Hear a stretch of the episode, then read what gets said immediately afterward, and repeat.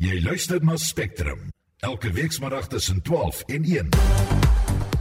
In vandag se program die finansiesminister trek sy besluit voorlopig terug om Eskom vry te stel van sekere bepalinge van die Wet op Openbare Finansiële Bestuur. Generally the comments by the public we've decided to withdraw the gazette for now and take all these comments into account. Die ramptoestand oor die energiekrisis word na verwagting vandag teruggetrek. Hierdie ramptoestand was totaal onnodig. Daar is voldoende wetgewing om die elektrisiteitskrisis op te hef. Die probleem is die wil en die vermoë van die regering. En Hilde Blyke stroom in vir die voormalige Springbok afrigter Ian McIntosh wat vanoggend na stryd teen kanker oorlede is. Vandag se span is redakteur Nicoline de Wee, produksieregisseur is Daitrin Godfrey en uh, Estie de Klerk is ons regisseur en ek is Susan Paxton. Welkom by Spectrum.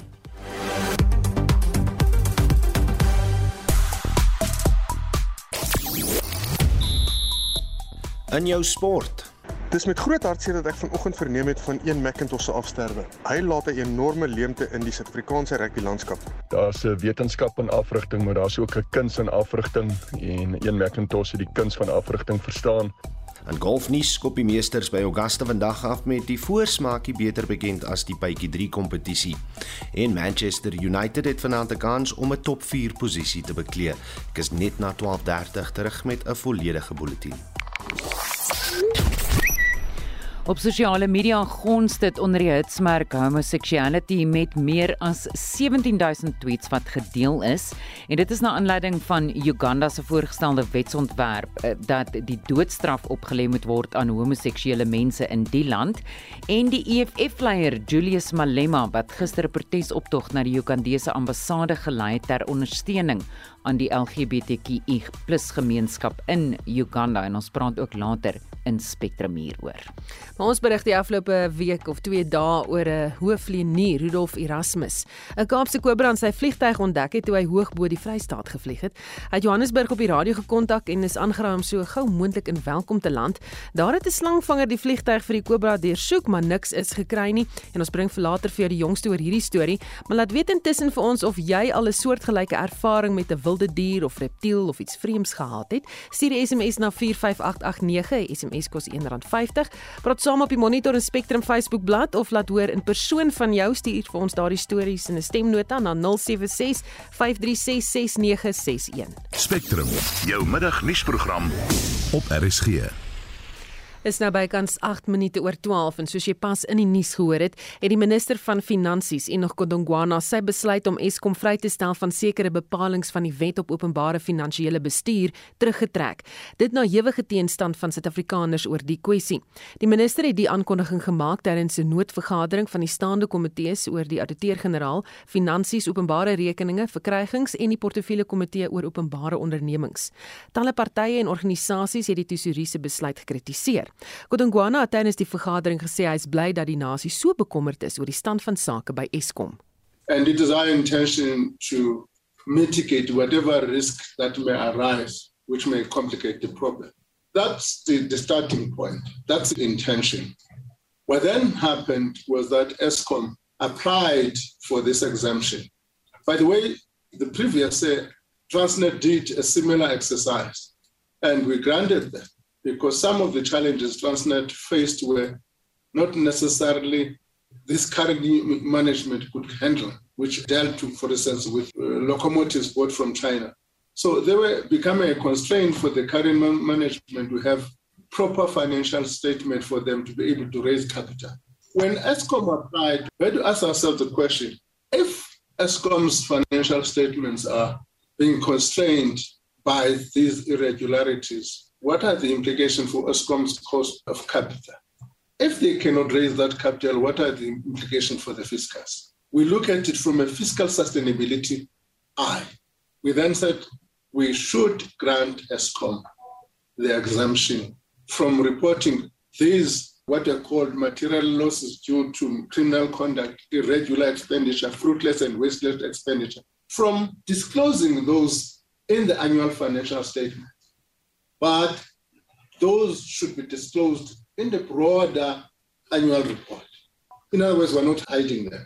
That's greatly the trust and our perspective And deliberate so, we to make sure that we even set conditions. Among those conditions for trans for ESCOM to report quarterly on what actions are they taking in that regard.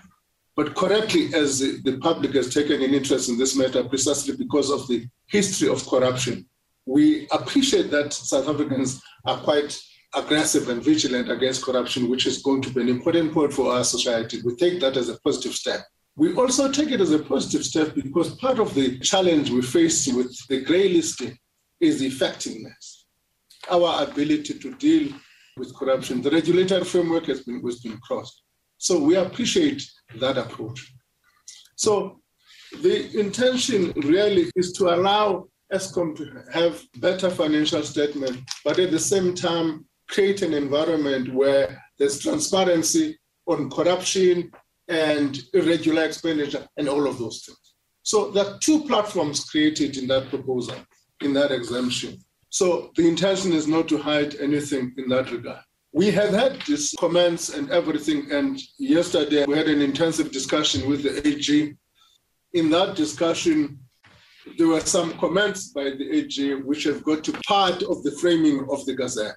And then in the light of those comments, we've generally the comments by the public, we've decided to withdraw the Gazette for now and take all these comments into account. Galip Kachalia van die DA het gesê hy is bly oor die besluit maar het 'n klomp vrae oor die kwessie wat hy beantwoord wil hê. Firstly, is it possible to have sight of Eskom's letter requesting the exemption because that will clear up the very intention of what was requested. Secondly, What exactly will ESCOM detail in the integrated report schedules of wasteful, fruitless, and irregular expenses? Will everything uh, be in that in that section? Thirdly, now that every local media outlet, newspaper, respected foreign papers like the Financial Times, numerous commentators, unions, opposition parties are all expressing significant, shall I say, disquiet about the exemption how do you see it affecting Eskom's prospects of raising capital? Ahmed Mansour Sheikh Imam van die National Freedom Party sê hy is baie ongelukkig oor die besluit wat geneem is. I hear that and in fact if you read media reports the intention is very clear that when you put it on these financial statements it's not going to create a good picture as such lenders will be reluctant or will refuse to lend money comes back to what I'm saying. It's an attempt to misrepresent and or defraud them, to lie to them so that they can give us monies. That's basically what it is about. En dit was Ahmed Mansour Sheikh Imam van die National Freedom Party. Hy is deel van die portefeulje komitee wat kans of kans gehad het om vrae te vra oor die kwessie. Hulle is steeds besig met daardie sitting. Ons praat nou verder hier oor eh, met 'n besoekende professor aan die Wits Universiteit se Sakeskool, Janie Resou. Goeiemôre Janie. Goeiemôre Susan en goeiemôre aan die luisteraars. Wat is jou indrukke van die minister van Finansies se verduideliking hieroor? Al Susan wat vir my baie positief is is dat uh hierdie kranksinnige besluit in die eerste plek wat nooit geneem moes gewees het nie nou teruggetrek word op grond van die uh noem dit die algemene publiek, die burgerlike samelewing se teenkanting hierteen. Dit wys dat die burgerlike samelewing nog sterk genoeg is om regeringsbesluite te kan beïnvloed en dit is vir my baie positief. Maar ek moet sê dis 'n besluit wat in die eerste plek nie geneem moes gewees het nie. Hierdie besluit boesem nie vertroue in die regering se vermoë om Eskom se probleme op te los in nie. Jy het van die begin af daarop gewys dat as die regering Eskom se skuldlas oorneem, dan kan hulle weer wild en wakker begin leen. Is hierdie die stap wat dit sou moontlik maak? Hierdie stap sou dit vir Eskom moontlik maak om weer hulle eie balansstaat te gebruik vir nuwe lenings na herskikking van hulle huidige lenings, soos wat die minister in Februarie in die begroting aangekondig het. Ek was deurlopend baie bekommerd daaroor en hierdie stap sal juis Eskom se leenvermoë uh verbeter.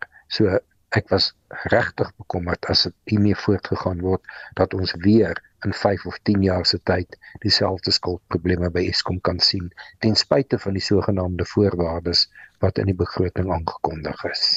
Het Eskom egter 'n keuse anders as om geld te leen sodat hy sy posisie kan verbeter?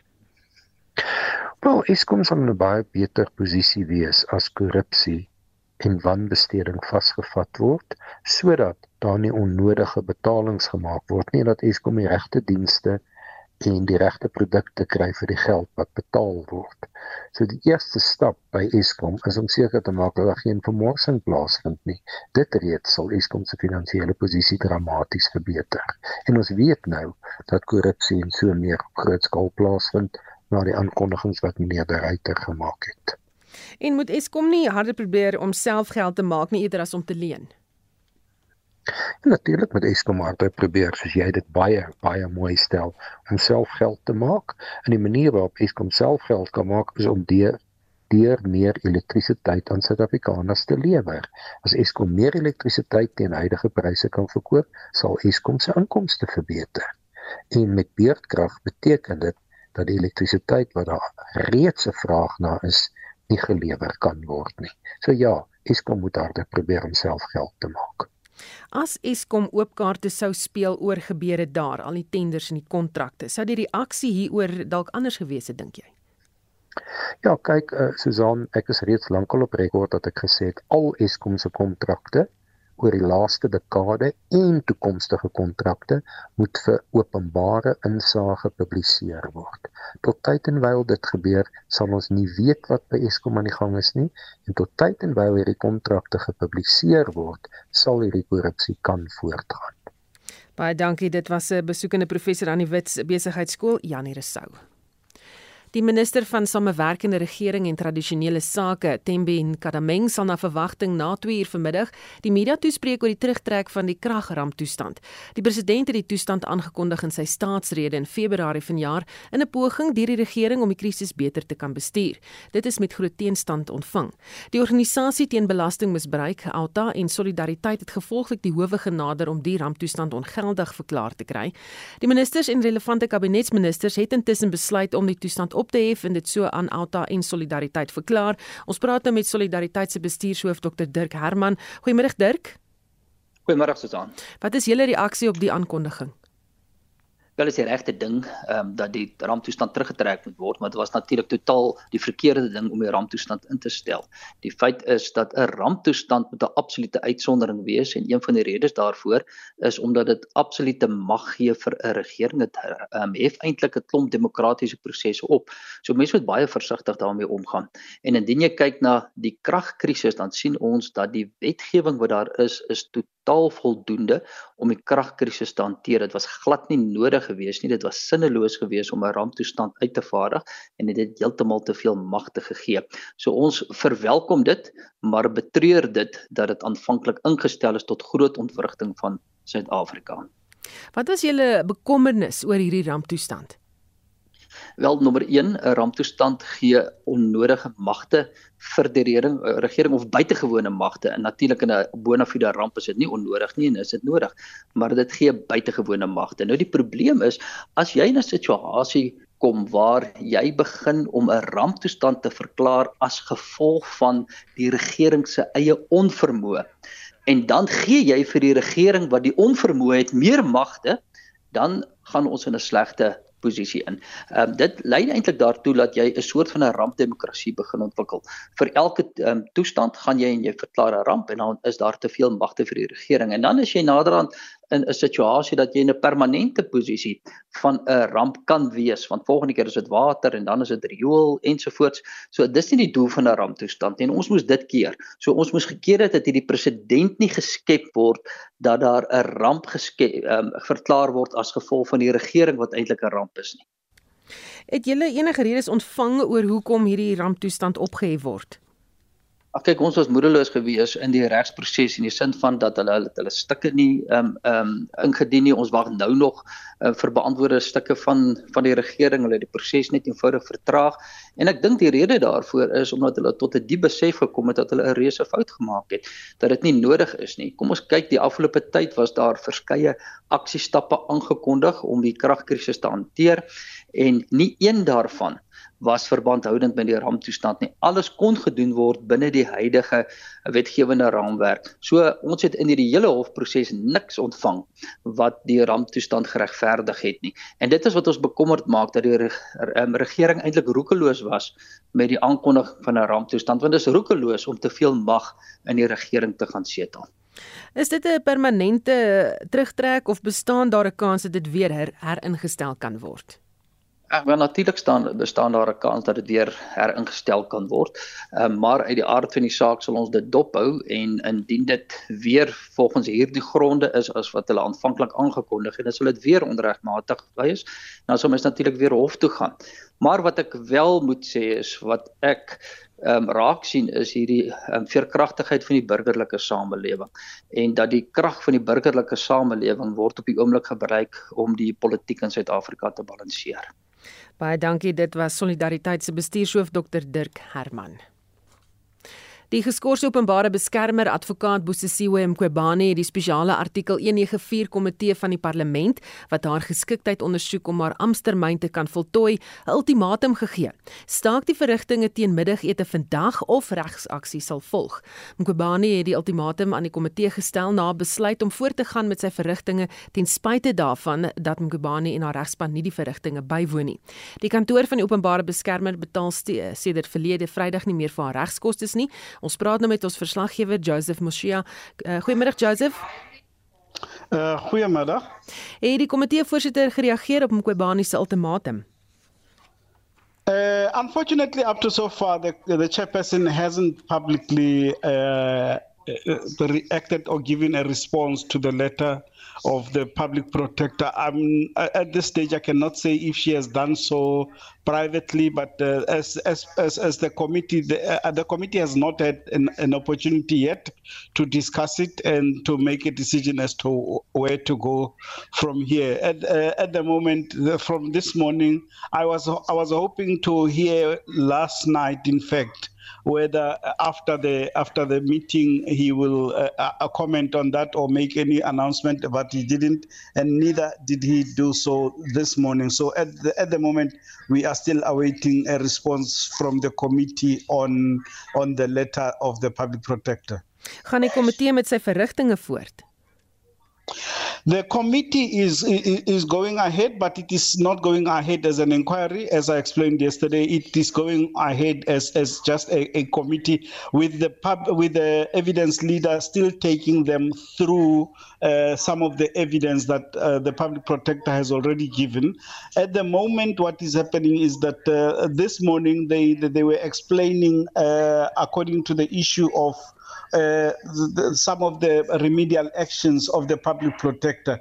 And, and, and, and the main thing was the, the remedial action that the public protector has uh, taken, especially about the president. And one of the main things that the president had complained about that led to her report on, uh, CR, on, on, on the CR17 being set aside was that he was not given an opportunity to respond, and, and the court agreed with, with, with, with, with the president. So those are those are some of the things that the public the, the evidence leader is taking the committee through as we speak. Baie dankie. Dit was ons parlementêre verslaggewer Joseph Mushia. Die omstrede wetsontwerp teen homoseksualiteit in Uganda wat bepaal dat die doodstraf opgelê kan word aan homoseksuele mense, veroorsaak sterk veroordeling van menseregte kampvegters. Die wetsontwerp wat nog deur Uganda se president Yoweri Museveni afgeteken moet word, is die jongste in 'n reeks terugslae vir LGBTQI+ regte in Afrika waar homoseksualiteit in die meeste lande onwettig is. In Uganda, 'n grootlikse konservatiewe Christelike land, kan lewenslange tronkstraf reeds opgelê word aan iemand wat skuldig bevind bevind word aan homoseksuele dade. Intussen het die EFF-leier Julius Malema gister tydens 'n optog na die Ugandese ambassade in Pretoria gesê Uganda se beleid oor homoseksualiteit is gelykstaande aan Suid-Afrika se beleid oor apartheid. Hy meen Suid-Afrika kan nie bloot toe kyk terwyl Uganda vyandskap bevorder nie. Ons praat nou hieroor met professor Christie van der Westhuizen van die Sentrum vir die Bevordering van Nie-rassigheid en Demokrasie aan die Nelson Mandela Universiteit. Goeiemôre Christie. Middag Susan. Hoekom is Afrika lande oor die algemeen so sterk gekant teen homoseksualiteit? Wel, uh, ek dink mense moet dit in historiese konteks sien. die as ons kyk na die LGBT aktiviste ehm um, en en organisasies uh, op die kontinent dan wys hulle vir ons uit dat hierdie die, die meeste van hierdie anti-gay wetgewing en en kodes en so aan kom eintlik uit die koloniale periode. So dit is eintlik wetgewing en en en kodes en en so aan wat ingestel is in die koloniale periode wat van hierdie land wat vir vir eintlik vir dekades ook nie reg um, ingespan is of op gebruik is nie. Mens oorblyf van daardie tyd. En ons sien nou in die laaste 2 of of so dekades sien ons uh, hoe van die Afrika regering vir self wen spesifiek tot die kodes en wetgewing om uh, gay en lesbiese minderhede te vervolg in hulle lande. En uh, en ek ek wil hê dat ons moet waak teen die idee dat dit uh, 'n natuurlike of 'n of 'n normale uh, Afrika respons is om homofobies te wees. Wat ons eerder sien is eintlik 'n tipe van 'n um, 'n invloed van homofobie na die Afrika kontinent deur uh, kolonialisme en en dan sien ons basies hoe aktiviste en uh, en en en die aktiviste organisasies nou in respons daarteen opstaan hulle hulle wys ons op die historiese konteks En ons sien eintlik dat daar opportunisme is by regerende elites om spesifiek meer gemarginaliseerde groeperinge te teiken. Uh, en dit is eintlik deel van 'n groter repressiewe tipe ehm um, uh, omgewing. So as dit eintlik kyk na hoe uh, mense se regte in die algemeen ondermyn word en en geskend word en en ons en ons sien dan spesifiek dan met die tekening van seksuele minderhede op op die op die vasteland ook as as deel van die groter proses. En terwyl hulle geteken word, eh, gebeur daar dan nou iets anders en dit is dat uh jy weet daar word verwag van heteroseksuele persone om homofobie homofobiese persone uit te wys uh of mense wat homoseksualiteit ek weet uh, voorhou uh uit te wys en aan te meld en heteroseksuele mense kan vervolg word as hulle dit nie doen nie.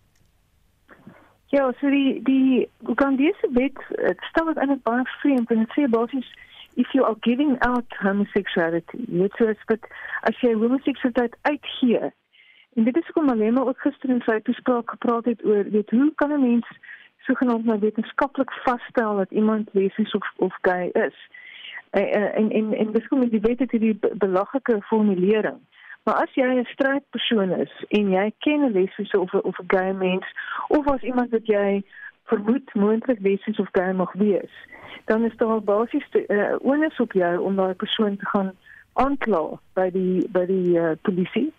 En en en wat dit natuurlik nou beteken is dat jy eintlik situasies soos dit ehm um, en en vir vir die week op kommentaar gesê het, jy weet jy wat in Oos-Duitsland gegeld het, jy weet waar mense was moes informante wees uh, op mekaar, weet waar jy en weet jou eie familielede op op op jou gespioneer het en so voort. So in hierdie geval het jy nou die staat wat van jou verwag om informant te word oor sogenaamde uh, afwykende seksuele gedrag. Maar eintlik is dit gaan dit oor sosiale beheer want jy kan nou self vervolg word indien jy nou nie hierdie sogenaamde afwykende gedrag uh, rapporteer nie. So mens sien eintlik wat wat wat dit vir my dui is 'n baie onsekere politieke elite wat 'n onsekere houvas het op politieke mag en wat eintlik die hulle eie bevolking tuister op allerlei maniere om soveel as moontlik sosiale beheer te probeer uitoefen uh, om om om sodoende die Museveni regime se posisie te te versterk. So jy probeer een groep teiken, maar dan teiken jy ook sommer die res ook. Dit dit ma maak dit sin. Ja. Ja, maar dit, ek dink dat mense dit agneem, weet mense dink altyd wel weet as lesbies en gays nog geteken word dit affekteer nie regtig heteroseksuele mense nie. Maar natuurlik affekteer dit jou want as jy die ma is of die pa is van van iemand wat gay of lesbies is of die oom of die tante of 'n niggie of 'n neef of so. So dit affekteer jou op daai manier. Uh wat beteken jou jou hele familie word eintlik in 'n in 'n in 'n baie moeilike posisie geplaas en en en geterroriseer deur die staat as jy daaraan dink. En en natuurlik ook is is die hierdie kategorie is ook nie so netjies soos wat ehm um, wetgewing se daar weer voorgee nie. Want ons het byvoorbeeld met 'n kategorie soos men uh, met mans wat seks het met mans. Dit is 'n kategorie wat gebruik word deur die Verenigde Nasies Hierdie is mans wat nie as gay identifiseer nie. Hulle sê nie hulle begin nie as gay nie, maar hulle het soms het hulle seks met ander mans. So uh so jy het eintlik uh nie jy het, het eintlik baie vloeibare seksu seksuele ehm um, nie eintlik is kategorieë nie, eintlik vloeibare seksuele gedrag wat nie eintlik gekategoriseer kan word nie. Mm. En dit is basies 'n staat wat wat wat vir sê wel sekere gedrag is so onaanvaarbaar dat dat die staat hier reg om jou in die lewe te bring daarvoor. En as jy nie jou kind gaan verklaar wat gay of lesbies is of jou of jou jou man wat miskien soms seks het met, met ander mans nie ensovoorts ensovoorts dan kan jy ook krimineel vervolg word. Mm. So jy kan sien hoe jy hoe dit regtig 'n verlammende effek kan hê op jou gewone ehm um, op gewone mense of jou gewone ehm um, burgers. Want jy het basies 'n staat wat wat jou wil polisieer tot in intiemste dele um, van jou lewe en wat jou kriminaliseer ook in intiemste dele van jou lewe. So daarom ja. is dit is dit so gelyk aan aan apartheid uh, met die on, ontugwet en die wet op ge, gemengde huwelike. Die EFF leier Julius Malema het gister 'n politieke optog na die Ugandese ambassade gelei ter ondersteuning van hierdie gemeenskap in Uganda. Dink jy sy motief is suiwer of is dit 'n politieke foefie?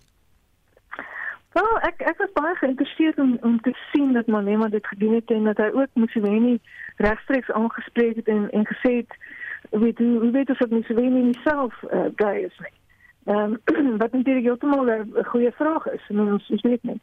So ehm uh, um, en ek dink dat dat wat hy doen is dit is ons nou kyk na onlangs met die ANC se nasionale uitvoerende komitee. Skiet tog gestaan uh, die eerste keer ehm um, uh, lesbische activist uh, uh, werd aangewezen uh, om op die Nationale Uitvoerende Comité van de ANC te dienen. Tivlet Fiki.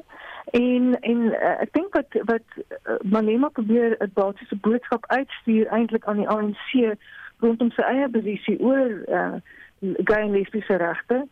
En, en ik denk dat dit met die oog op volgende jaar verkiezing. So, uh, op die stadium is het voor mij duidelijk dat Malema al zijn uh, politieke activiteiten en, en die campagnes wat hy lei en Swan is alles doen hy alles met 2024 verkiesing in die oog want hy probeer homself aanbied as 'n aanvaarbare vernoot vir die ANC en die die ANC onder 50% val. Hmm. So gegee dit dat gay en lesbiese sake nou baie belangriker begin raak het vir die ANC, soos jy kan sien in die nasionale uitvoerende komitee is hierdie dan 'n uh, tipe van 'n boodskap wat hy probeer stuur aan ANC lede ook en ANC ondersteuners hierdie is 'n saak waar waar ek sterk staan en natuurlik is opvallend dat die ANC self het nie so optog gelei na die Ugandese ambassade wat eintlik die, die ooglopende ding is om te doen nie. Mm. Eerder wat ons gehad het was dat hulle het ehm, 'n um, optog gelei na die Verenigde Nasies wat weet geen mens kan mooi verstaan die toekoms van die Verenigde Nasies in die teken moet wees. So mm. iets nie, dit is tog die Ugandese regering wat wat besig is met hierdie gemors. Baie dankie. Dit was 'n professor Christie van der Westhuizen van die Sentrum vir die Bevordering van Nierassigheid en Demokrasie aan die Nelson Mandela Universiteit. Die voormalige Amerikaanse president Donald Trump het onskuldig gepleit op 34 misdaadaanklagte wat verband hou met die vervalsing van sakerekords ten einde skakel of skadelike en onwettige bedrywighede vir die Amerikaanse kiesers weg te steek vir die 2016 verkiesing. Trump is gister tydens 'n vlugtige verskyning in die Manhattan strafhof in New York formeel aangekla. Intussen het Trump teruggekeer na sy huis in Mar-a-Lago in Florida. Ons praat nou met Theo Venter verbonde aan die Universiteit van Johannesburg. Goeiemôre Theo. Goeiemôre. Miljoene tweets is sedert gister op sosiale media onder die hitsmerk Trump gedeel, talle daarvan van Republikeine wat hulle steun aan Trump uitspreek. Dis duidelik dat ondersteuners onwrikbaar in hom glo. Ja, absoluut en ten spyte ten spyte daarvan dat hy krimineel ekskuus aangekla is, het hy ehm um, daarin geslaag om hierdie aanklagte in 'n toespraak wat hy so rukkie gelede afgesteek het by Mar-a-Lago dit om te draai as 'n as 'n soort ehm um, uh politieke veldtog teen hom. So dit is klassiek Trump. Jy kan maar maak wat jy wil. Hy gaan dit wat jy vir hom doen, gaan hy omdraai en hy gaan dit tot sy voordeel gebruik. Daar's 'n paar politici wat dit kan doen. Ehm um, julle het in julle vorige gesprek oor Julius Malema gepraat. Hy het ook die vermoë om goed wat jy na hom toe gooi wat lyk asof dit enige ander politikus gaan ontwrig om te draai in 'n politieke wins. Sê vir my en uh, Theo, miskien moet ek 'n kansie gee net om gou daar in die pad uit jou keel te kry want ek hoor jy wil hoes. Uh maar ons gesels met uh, Theo Venter, hy is verbonde aan die Universiteit van Johannesburg en ons gesels bietjie oor Trump. En uh om hierby aan te sluit, het Trump aan ondersteuners gevra om 24 dollar te skenk vir sy verkiesingsveld, tog. Die geld word inbetaal in wat in Amerika bekend staan as die Political Action Committee. En voordat ons by die besonderhede kom, Theo, uh, verduidelik net eers vir ons wat se doel van hierdie komitee. Uh die Amerikaners het net so 'n probleem gehad met met veldtogfinansiering soos wat ons in Suid-Afrika het uh, en en gehad het.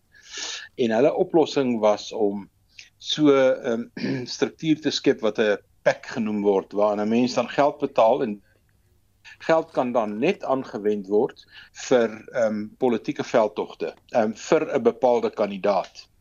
En Trump ehm um, daar's 'n hele paar sulke sulke political action committees wat vir Trump ondersteun en waar hy waar hy sy geld vandaan kry. Nou hierdie voorbeeld wat jy nou noem, ehm um, in die laaste 7-8 dae die die verslag is gister gelewer is daar 7 miljoen dollar in daai bepaalde political action committee inbetaal deur mense wat klein bedragies 24 dollar is nie 'n groot bedrag in Amerika nie. Klein bedragies daar inbetaal en dis 'n les wat Trump uh, geleer het by uh, Obama. Obama het sy tweede veldtog eintlik heeltemal gefinansier op mense wat 10 dollar in sy in sy um, kom ons noem dit in sy um, gevegs uh, fonds inbetaal het. En uh, dit wys jou net hoe Trump ehm um, die die die oënskynlike politieke terugslag ehm um, omvorm in in in deel van sy veldtog en hy het dit ook baie duidelik gestel in sy toespraakie wat hy vanoggend gehou het ehm um, uh dat uh, hy is nou nou is hy in 'n veglustige by. Hulle het vir hom nou kwaad genoeg gemaak dat hy nou met alles wat hy het ehm um, na die stembus toe kom. Nou, ehm um, mag die geld wat in die fonds inbetaal word vir enige ander doeleindes gebruik word as slegs vir verkiesingsdoeleindes? Nee, dit mag nie.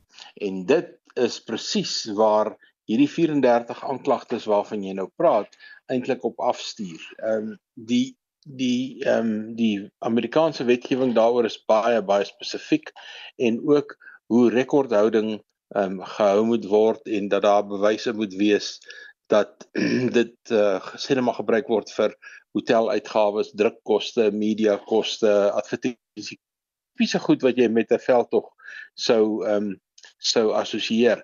Maar as jy van hierdie geld gebruik om 'n pornostar te betaal om stil te bly en jy jok daaroor, dan is jy in die moeilikheid en dit is presies die saak teen teen Donald Trump. Hy het um, om iemand te betaal om stil te bly is nie teen die wet in Amerika nie. Dis nie teen federale wetgewing nie. Daar om die waarheid daar is nie eers 'n wet daaroor of jy iemand kan betaal om stil te bly of nie.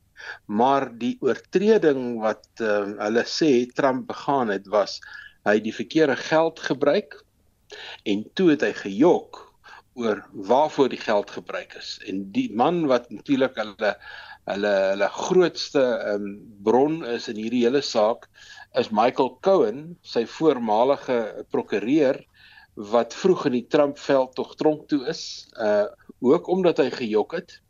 En hier lê die dilemma. Um Cohen is in die hof bestempel as 'n leenaar. Hy het toe tronkstraf gekry en hy stronk toe en hy's nou uit. Nou is hy die die belangrikste getuie teen Trump. Nou dink jou net in iemand wat in die hof as 'n leenaar bestempel is, wat onder kruisverhoor geneem gaan word deur van die beste regslui wat Trump kan bekostig. Dit gaan 'n nagmerrie wees um, om die saak behoorlik af te handel. En dit is hoekom die saak nou geopen is soos hy geopen is. Cohen word wel gebruik as een van die stukkies getuienis, maar ehm um, aanvullende getuienis selfs op 'n federale vlak word eintlik nou gebruik om die die leuen wat Trump ehm um, sou ge ehm um, gepleeg het woonsuis of ehm um, by bewe na bewering ehm um, gaan dan uh, aan die groot klok gehang word. So hierdie gaan 'n baie interessante saak ontwikkel. Uh ons is nou in April maand. Die saak is uitgestel na Desember toe. Nou die Amerikaanse veldtog vir 2024 gaan teen Desember vanjaar um redelik goed uh, op dreef wees. Die Amerikaanse uh die Republikeinse party moet so teen Februarie volgende jaar 2024 moet hulle reeds um uh kan besluit wie is hulle voorkeurkandidaat. So sy hofsaak is uitgestel om midde in die veldtog vir die Republikeinse party om te besluit watter kandidaat moet hulle voorstoot Ehm um, so dit gaan moeilik wees vir die Republikeine, dit gaan moeilik wees vir Trump en ek dink dit gaan die Amerikaners vasgenaal hou voor hulle TV's. Baie dankie het gepraat met Theo Venter verbonde aan Universiteit van Johannesburg. En soos wat die Paasnaweek al nader kruip, is die hits Easter baie gewild op sosiale media, van stories oor paashase en paaseiers tot resepte wat gedeel word en wat die ware betekenis van Paasfees is. Nou ons gesels oor uh, of jy al 'n soortgelyke ervaring met 'n wilde dier of reptiel gehad het soos wat die vlenier Rudolf Erasmus gehad het die afgelope week toe daar die Kaapse kobra saam met hom gevlieg het en uh, hier's 'n luisteraar op uh, Facebook wat sê dis nou Freddie Bolton miskien wou die slang wegkom uit die Kaap uit. En uh, dan het nog 'n luisteraar gesê dat uh, Leon de Jong hy sê ja, ek het al so ervaring gehad my eerste skoonma. En dan sê Mani van Rooyen van Hermanus, o, jy is so 'n moeilikheid as jy skoonma hoor. Ehm um, ek het eendag op die plaas 'n buitetoilet gebruik en toe kom 'n slang uit van onder af met ek het net doodkalm gebly en weggestap. En Elsabeth of Elbet Henning reageer dan daarop en sê maar dit was nog altyd my grootste vrees is dat 'n slang daar so van onder af op my afkom. En dan is hier 'n luisteraar wat vertel ek bly op 'n plaas in die Outeniqua berge. Ons het al baie uh, met Kaapse geelkobras te doen gekry. Ergste was dat ek en my kleinkind elke dag uh, daarso geswem het in 'n dam op dieselfde tyd onwetende dat ons uh, dan wanneer ons in hierdie dam klim, glip daar 'n kobra op die ander kant uit onder die protea boom in. Na ons hom gesien het, het ons hom lank dopgehou um, en gesien dat hy elke dag presies binne 4 minute dieselfde tyd swem en op die kant uitklim. Maar ek en my klein kleinkind het nie weer geswem nie. Uh, baie dankie vir almal wat uh, saamgesels. Jy kan steeds saamgesels. Jy kan vir ons 'n SMS stuur, jy kan vir ons uh, saampraat op Monitor en Spectrum se Facebookblad of jy kan vir ons 'n stemnota stuur.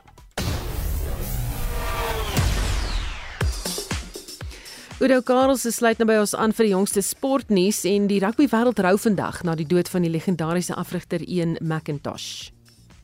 Ja, Susan middag Master Mac of 1 Mac soos hy maar bekend gestaan het is vanoggend in 'n hospitaal in Durban oorlede na stryd met kanker. Macintosh was 'n bokafrigter met Suid-Afrika se oorgangsperiode in 1993 en 1994. Hy was ook die man agter die Sharks se Karibebeker seëges in die 90er jare en uh, die span se twee verskynings in die finaal van Super Rugby.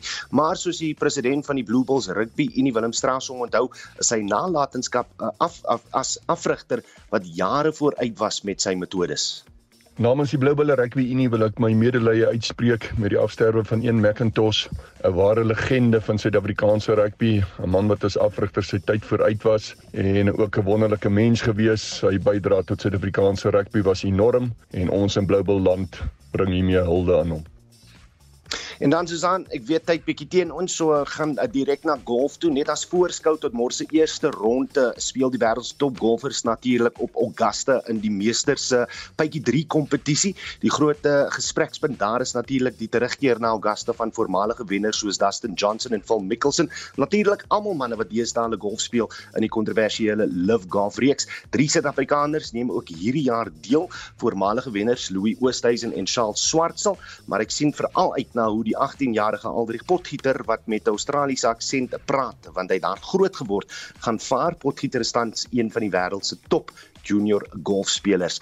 In sokker Liverpool en Chelsea het gisteraan doelloos gelykop gespeel wat dan die rooi span in die 8ste posisie hou en net die top 4 kwalifiseer vir die Kampioenligga en uh, tans het Arsenal, Man City, Newcastle en Tottenham Hotspur in die gesogte posisies.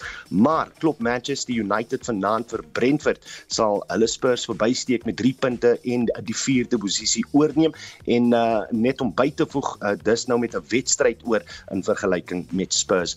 Vanaand in die DStv Premierliga speel die span heel onderaan die punte leer Marumo Gallants teen die span in die 11de posisie Royal AM.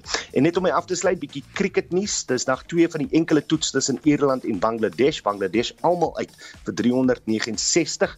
Dis nou vir 'n voorsprong van 155 lopies. Ierland het nou net net begin kolf en is reeds 7 vir die verlies van een paaltjie in die tweede beurt. Nieu-Seeland het Sri Lanka ook geklop en die gepaaltjies in die tweede T20 wedstryd van die reeks Die teiken van 141 lopies is verbygesteek met 23 balle wat oorbly.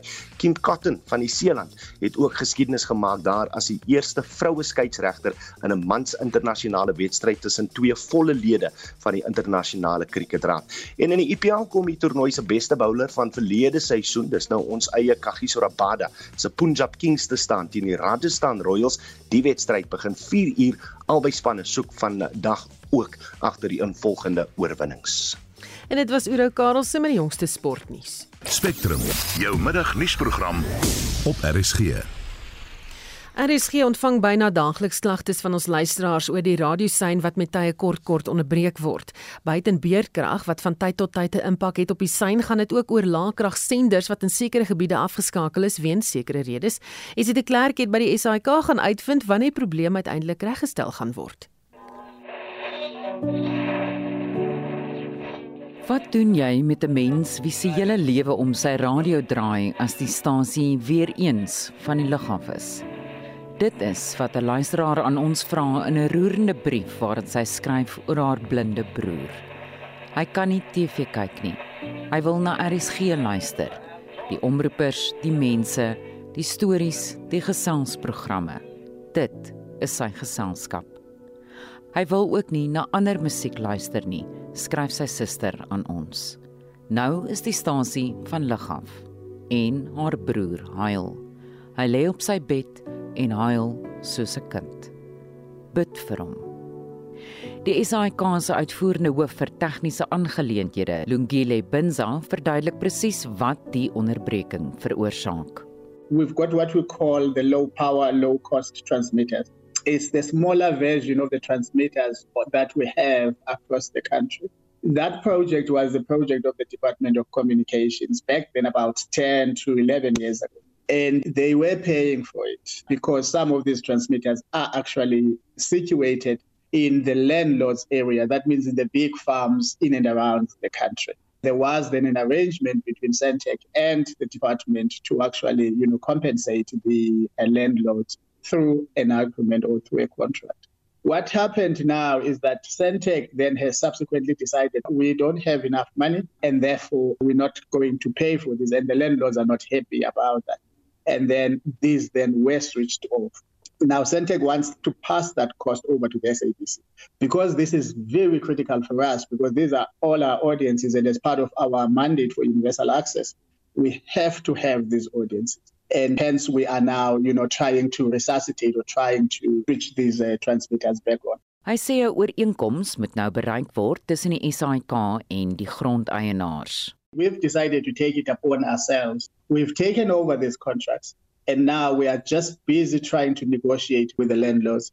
So what we're looking for is just now for us to get an approval internally first from the SABC just to say there will be money to pay these guys. And that's what the team is busy organizing. We should really, really, you know, get that approval very soon because it's such an urgent issue. We've been getting calls. I mean, you're right. I mean, people are not just angry. They are extremely upset about this.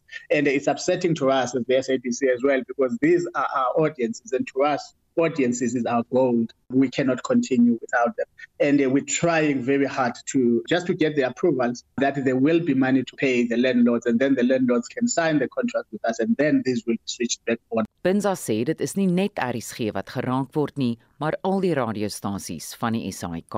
We even received, you know, calls from parliament I mean on this. It's such a major major priority for us. In the next 2 weeks we should actually sort this out. To switch back this on it shouldn't be a major problem unless there are those that uh, maybe the landlords are not happy with the equipment being on their site and they've asked maybe Centec to remove it. But uh, if we resolve this internally, we're having a, a very urgent expo meeting in the morning tomorrow just to quickly go through some of the things, including this issue. We should actually receive some form of approval. And then from there, it's a question of switching back this on. Let's say before the end of this month, we should actually resolve all of this. Dit was die SAIK se uitvoerende hoof vir tegniese aangeleenthede Lungile Binza. Ek is Estie de Klerk vir SAIK nuus.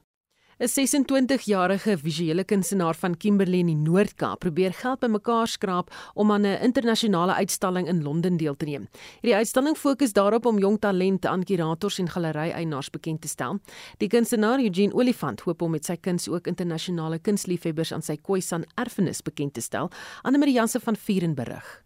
Olifant sê hy is vasbeslote om Suid-Afrika by die ITS Liquid uitstalling te verteenwoordig. Hierdie uitstalling vind hierdie jaar gedurende die laaste week van Mei plaas. Maar dit tekort aan befondsing is 'n tamaletjie. Twee van my artworks gekies is om in London te exhibit te word. En die probleem wat ek nou het is finansies. Minimum finansies wat ek sal nodig het is 100 000, maar 100 000 sal nie vir my comfortable laat wees nie. En at the end of the day, ek gaan moet gaan van die 17de Mei af tot die 2de Junie toe. En onder deze gaan nie vir 2 weke las nie. En dit gaan include accommodation, transport, die plane tickets en 'n participation fee wat ek moet betaal vir die 10de April. Olifant het sy ouers op 4 jarige ouderdom verloor. Familielede het hom daarna grootgemaak. Volgens Olifant was dit juis sy moeilike grootword jare wat hom geïnspireer het om 'n kunstenaar te word. En met sy kuns delf hy dieper in sy identiteit. Ek try myself vind nog in my art en ek gebruik my culture baie en ek gebruik my history ook baie en ek try 'n connection met dit in vandag se lewe wat ons face met unemployment, gangsterism, drug abuse en substance abuse want dit is waar dit begin en maak jy sê go baie gepressure word die eventually gaan jy ingee as jy nie jouself kan uitdaai uitkry nie. Olifant verdien sy brood en botter deur fotografie en tatoeëerkuns. Sy tante wat hom help grootmaak het, Velma verkoper, sê hulle is baie trots op hom. Hy spandeer baie tyd in sy artworken, so ek sien waarna toe as hy op pad van kleintyd af hy was in die kleuterskool.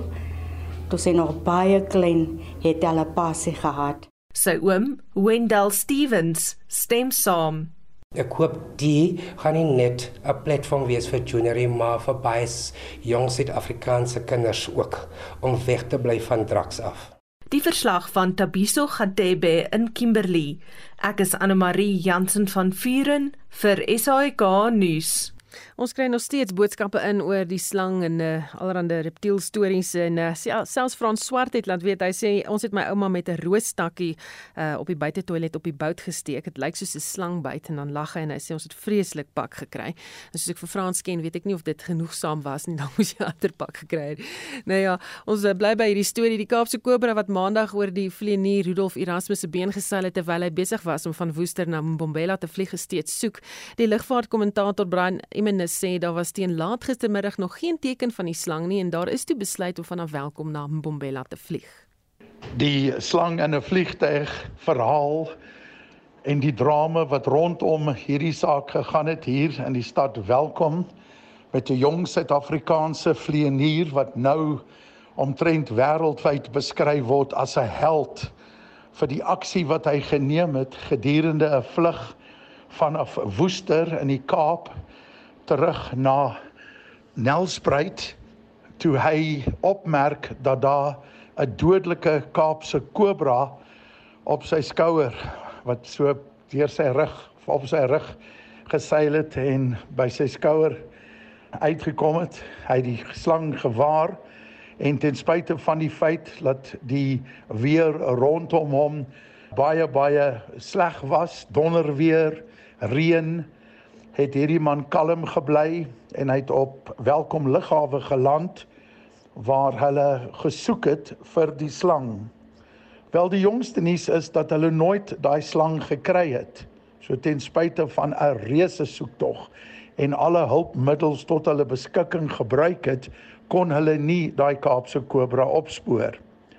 Die vleienier het toe besluit dat as gevolg van die feit laat hulle daai vliegtyg met specialist tegnisi omtrent uitmekaar uit gemaak het of gehaal het om die slang te kry.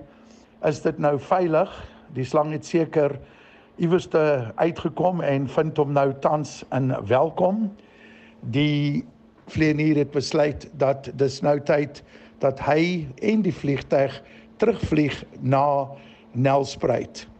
Ek glo dat wanneer daai vliegtyg in Nelspruit is, sal hulle weer net vir veiligheidsredes kyk of hulle nie iets opspoor in daai vliegtyg. Maar op hierdie stadium die vliegtyg uh, en die vlieënier is veilig en uh, niemand weet waar daai Kaapse Cobra is. En dit was die lugvaartkenner Brian Emmenus en 'n uh, luisteraar wat sê 'n vuurhoutjie is of ek of 'n slang of 'n vuurhoutjie sê persoon. En dan nog iemand wat sê nee, wat as ek in daardie vliegtyg was, het ek midde van die vlug op die vlerk gaan sit. So bang is ek vir slange en spinnekoppe. Dankie dat jy saamgesels het vandag. Onthou vorige uitsendings van al ons nuus aktualiteitsprogramme is aan spotgooi op rsc.co.za beskikbaar gaan kyk daar. Ons het namens ons uitvoerende regisseur Nicoline de Wee ook vandag se redakteur. Die produksieregisseur is Daitrin Godfrey en ek is Susan Paxton. Geniet jou middag in die geselskap van RSG.